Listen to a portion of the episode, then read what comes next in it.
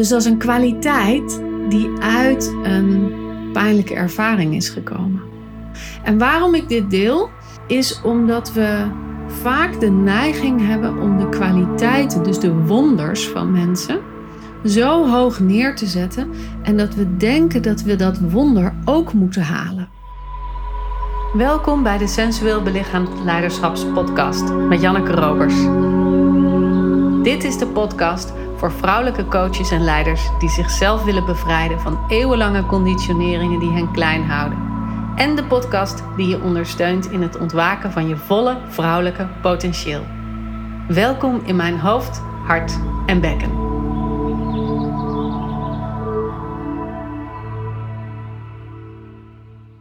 Ik wilde even beginnen met zeggen: er is deze week nog vroegboekkorting voor Voluit Vrouw zijn, mijn jaarprogramma dat in mei start. Dus als jij een coach, een begeleider, een healer, een transformator op een of andere manier bent en je hebt dus behoorlijke ervaring met persoonlijke ontwikkeling en je wil sensueel belichaamd leiderschap claimen over je werk, over je leven, over je relatie en voelen dat je inwezig kan zijn en diep in verbinding met jouw wijsheid, met je lijf, met je genot en met je verlangens je eigen plek wil claimen. Zorg dan dat je deze week nog even een belafspraak met me inplant. Dan uh, heb jij ook nog kans op die vroegboekkorting. Nou, dat was het eerste wat ik wilde zeggen. En het tweede was dat ik het ontzettend tof vind dat jullie naar me uitreiken. En ik krijg de laatste tijd berichten van mensen die mijn podcast hebben geluisterd en die dan beginnen met: Het was zo heel inspirerend. Ik heb er dit en dit uitgehaald. En ik ben geen coach, maar ik ben, in dit geval was het een lerares. En ik weet dat er heel veel vrouwen zijn die naar mij luisteren en die geen coach of begeleider of therapeut zijn of op een andere manier mensen begeleiden in hun werk. En ik wilde even zeggen, dat maakt niet uit. Je bent van harte welkom. Ik vind het zo mooi als ieder op zijn eigen kwaliteit zijn innerlijke vrouw zijn kan inbrengen in deze wereld en in de relaties die je hebt met mensen om je heen. En of dat nou in een therapeutische of een begeleiderschap setting is, of dat dat gewoon bij de kassa is, of dat dat op het schoolplein is met de ouders van vriendjes of dat het op je werk is tussen collega's. Dat maakt natuurlijk helemaal niet uit. Het enige waarom ik vaak over begeleiderschap spreek, is omdat de doelgroep voor mijn programma begeleiders zijn.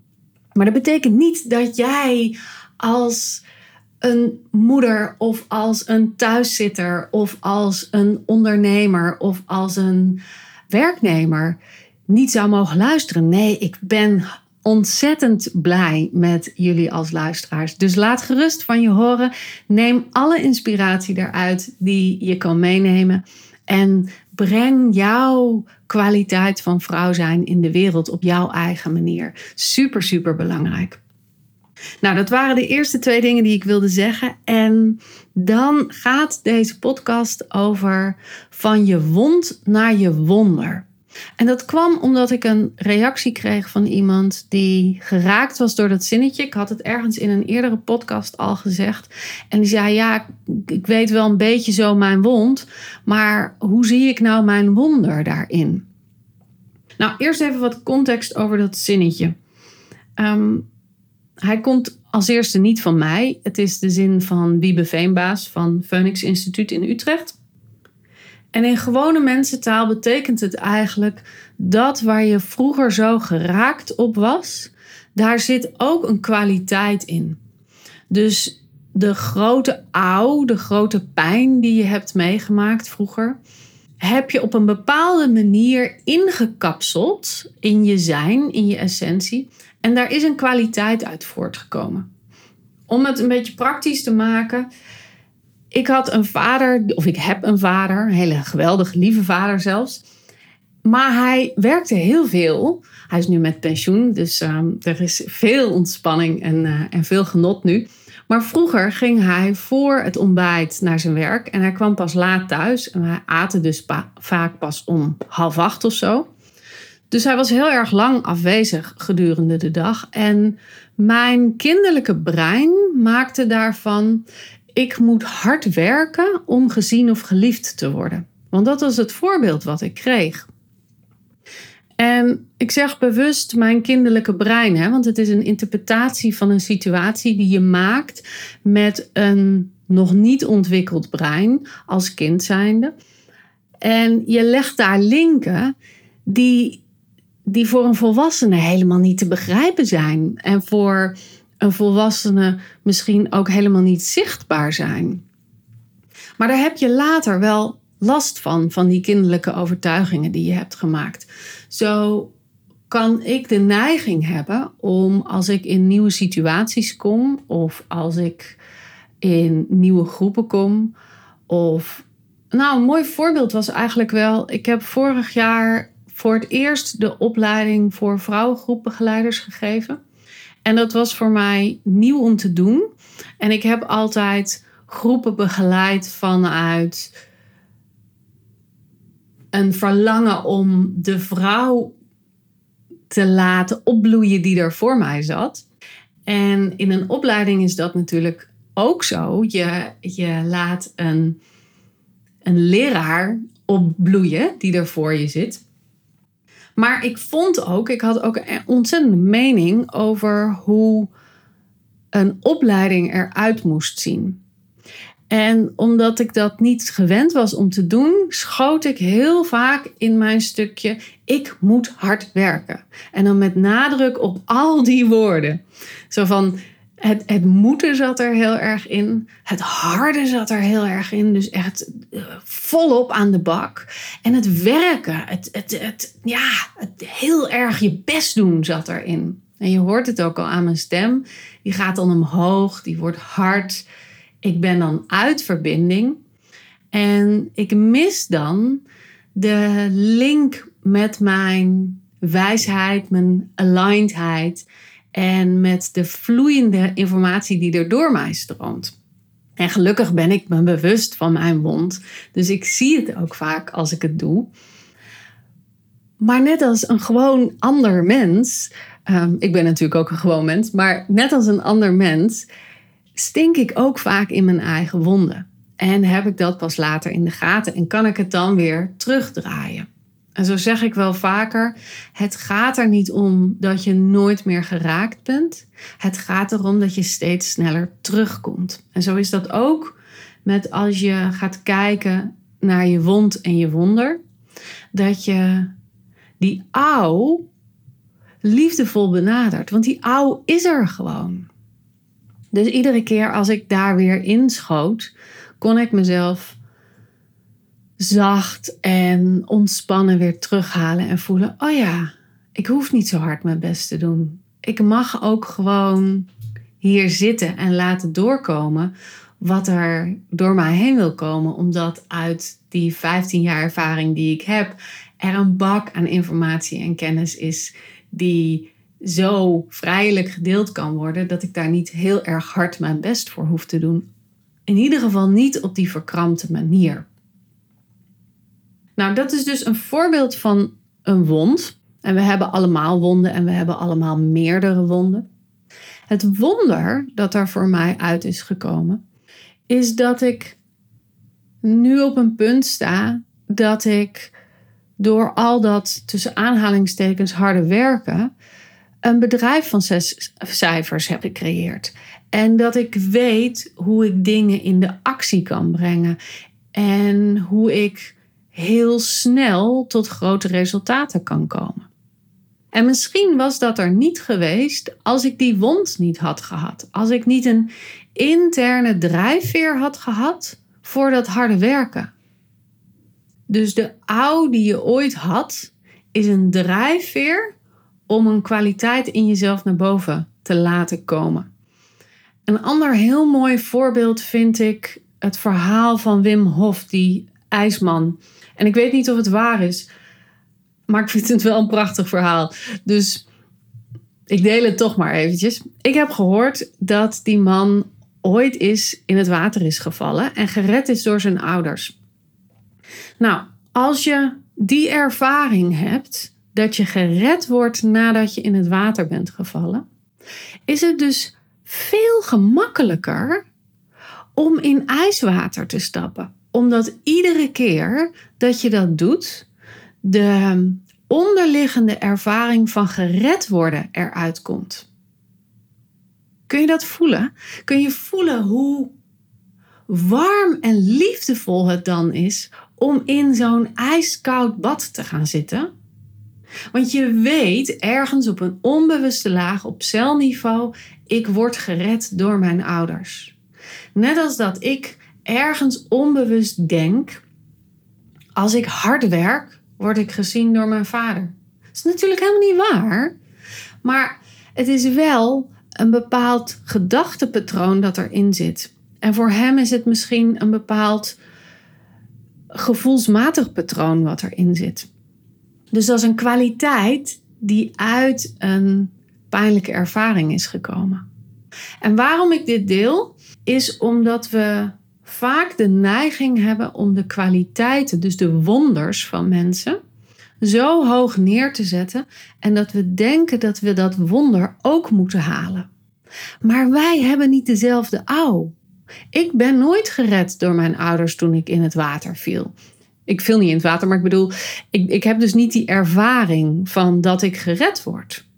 Dus als ik in ijskoud water stap, wat ik regelmatig doe, want ik vind het onwijs lekker, maar ik heb er ook wel moeite mee, is dat het gewoon echt koud is. En dat ik me echt diep moet overgeven aan ontspanning in mijn lijf om de ervaring van innerlijke hitte te kunnen krijgen.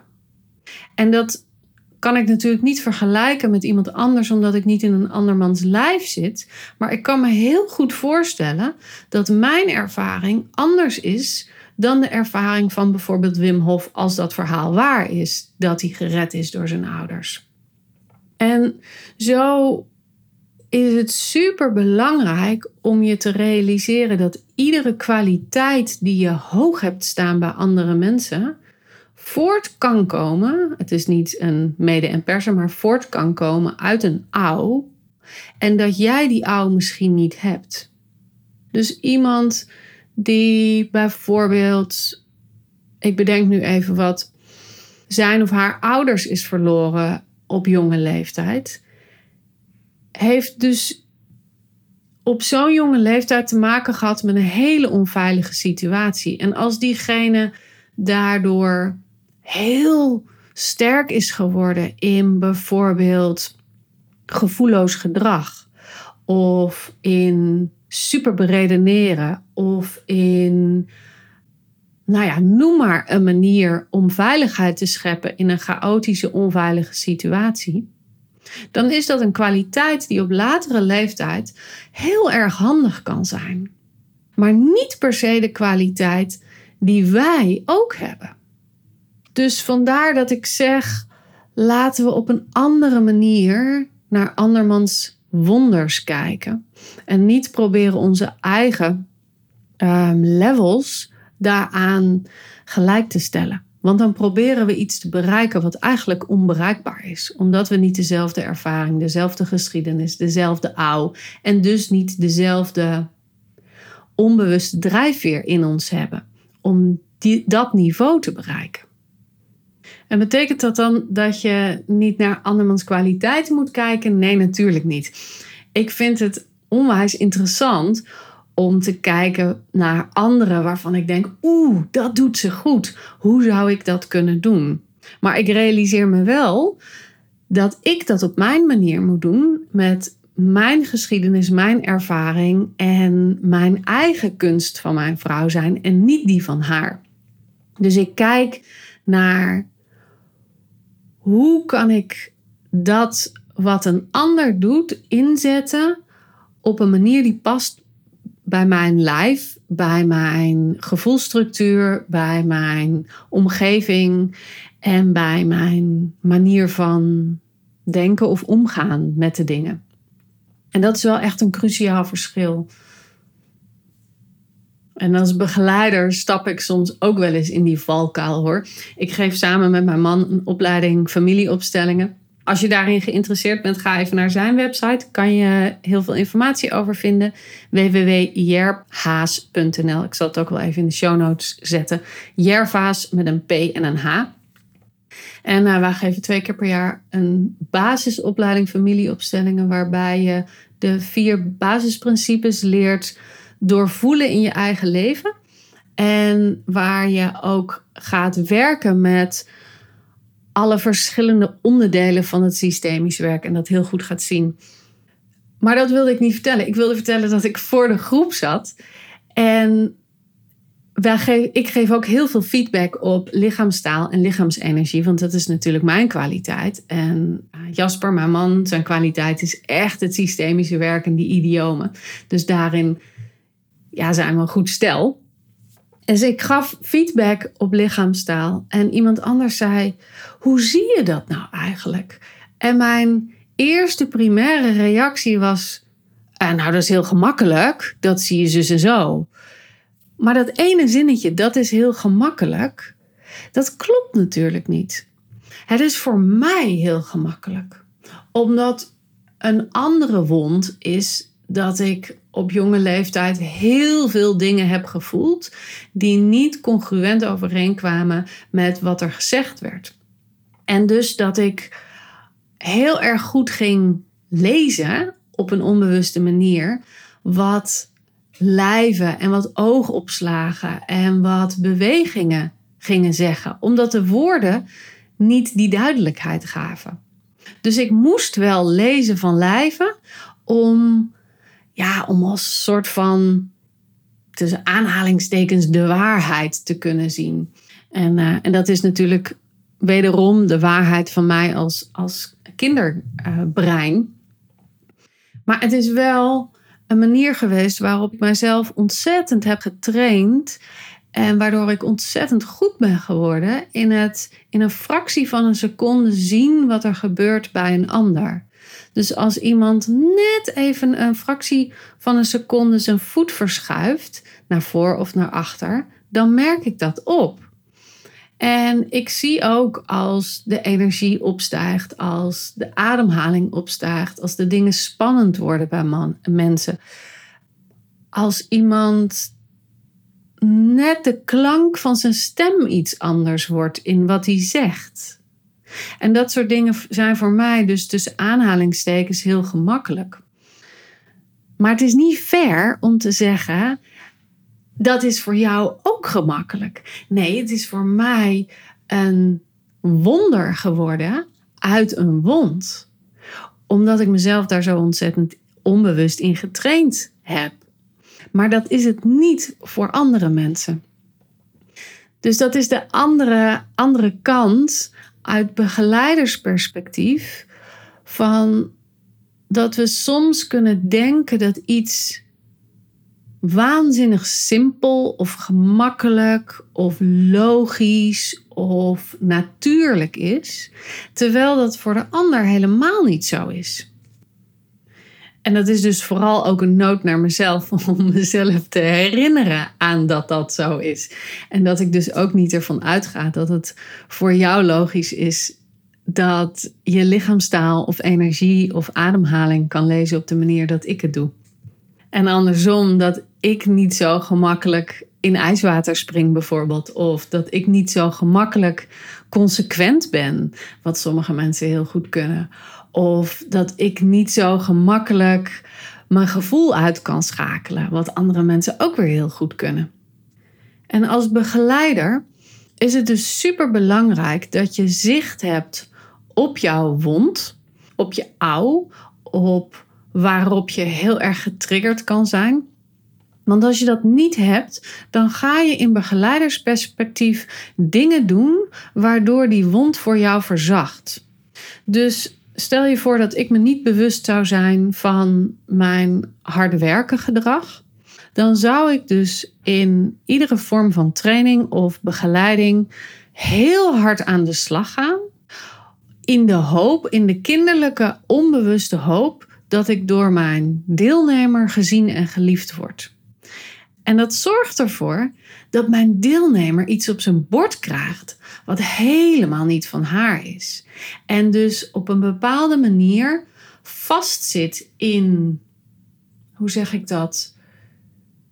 Vastzit in mijn ouw, waardoor er geen ruimte is voor haar ouw om zich te kunnen ontvouwen en dus te kunnen helen. Want dan staat de begeleiding als het ware ten dienste van mijn pijn. En dat is natuurlijk niet wat je als begeleider wil. Daar ben je niet voor. Je bent een facilitator voor dat wat er bij de ander mag kunnen opbloeien of verzachten of helen of ontvouwen of hoe je dat dan ook wil zeggen. Dus vandaar dat het super belangrijk is om zicht te hebben op jouw eigen pijnpunten, zodat je die niet bij de ander op schoot legt. Maar ook omdat je als je zicht hebt op je eigen pijnpunten, ook zicht kan krijgen op je wonders. En soms is dat nog wel wat lastiger, omdat we niet in een wereld leven waarin we geneigd zijn om te zeggen: Wauw, wat doe ik dit goed? Of jezelf schouderklopjes geven. Dat hoort eigenlijk niet. Dat is niet zo netjes. Dus laat dit een uitnodiging voor je zijn om je wonder echt te onderzoeken en te grijpen. Nou, hoe doe je dat nou? Van je wond naar je wonder is als allereerste je grote ouw onderzoeken. Waar ben jij vroeger zo in geraakt? Of hoe denk je dat je geliefd wordt of gezien wordt door de ander? Of een andere vorm om die te onderzoeken is te voelen van wat is je basismodus waar je in terugvalt als je in een nieuwe groep komt of in een nieuwe setting of onder druk staat. Zo'n basismodus, voor mij is dus dat harde werken, maar zo'n basismodus is vaak ook de ouw die je ooit hebt ervaren. Omdat dat zo, ik wil zeggen eigen is, maar dat is het natuurlijk niet. Maar het is zo primair. Het is zo vanuit een hele jonge tijd heel herkenbaar voor jou. Nou, de tweede vraag die je dan afvraagt is: wat is de kwaliteit daarvan? Dus bijvoorbeeld als je denkt dat je geliefd wordt door het lieve meisje te spelen. Dat is ook eentje die veel vrouwen kennen. Wat is de kwaliteit daar dan van? Nou, dat zou bijvoorbeeld kunnen zijn dat je niet opvalt, of dat je nooit ruzie maakt, of dat de energie om jou heen altijd heel gelijkmatig is, of dat je ehm, heel veel lachrimpels krijgt, bijvoorbeeld. Ik noem maar wat verschillende uitwerkingen daarvan. Zo heeft ieder een eigen kwaliteit. Dus onderzoek je grote ouw en wat is de kwaliteit daarin. Vervolgens, wat heb jij daarin enorm ontwikkeld? Dus is dat die geweldig stralende lach of is dat die gelijkmatigheid of welke kwaliteit daarin heb je ontzettend ontwikkeld? Want er zijn natuurlijk verschillende facetten die zo'n ouw met zich meebrengen, die een kwaliteit kunnen zijn. Maar er is er eentje van die jij vaak enorm hebt ontwikkeld. En dan zou je hem nog verder kunnen trekken als jezelf af te vragen: waarvan heb jij misschien de neiging om te zeggen: Oh, dat is heel gemakkelijk. Of Oh, nou, dat is toch logisch? Dat is meestal je wonder. Nou, ik ben super, super benieuwd. Wat raakte je van deze aflevering? Wat is jouw wond? En welk wonder heb je daaruit laten ontstaan? En kun je nu meenemen de wereld in? Laat het me alsjeblieft weten. Stuur me een DM op Instagram of uh, reik op een andere manier naar me uit. Vind ik hartstikke leuk om van je te horen. En nogmaals, als je mijn persoonlijke begeleiding wil in Voluit Vrouw zijn, het jaarprogramma dat in mei begint. En als je je sensueel belichaamd leiderschap wilt claimen, zodat je diepere verbinding maakt met je sensualiteit, met je lijf met je vrouwelijke energie en met alles wat er aan de binnenkant van jouw vrouw zijn ruist en bruist.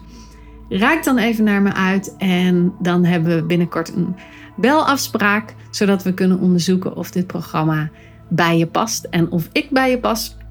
En uh, nou, dan hoop ik je snel te spreken. Voor nu dankjewel voor het luisteren en graag tot de volgende aflevering. Doei doei!